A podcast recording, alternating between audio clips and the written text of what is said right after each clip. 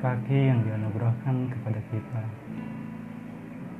akan membawa kita kepada suatu tujuan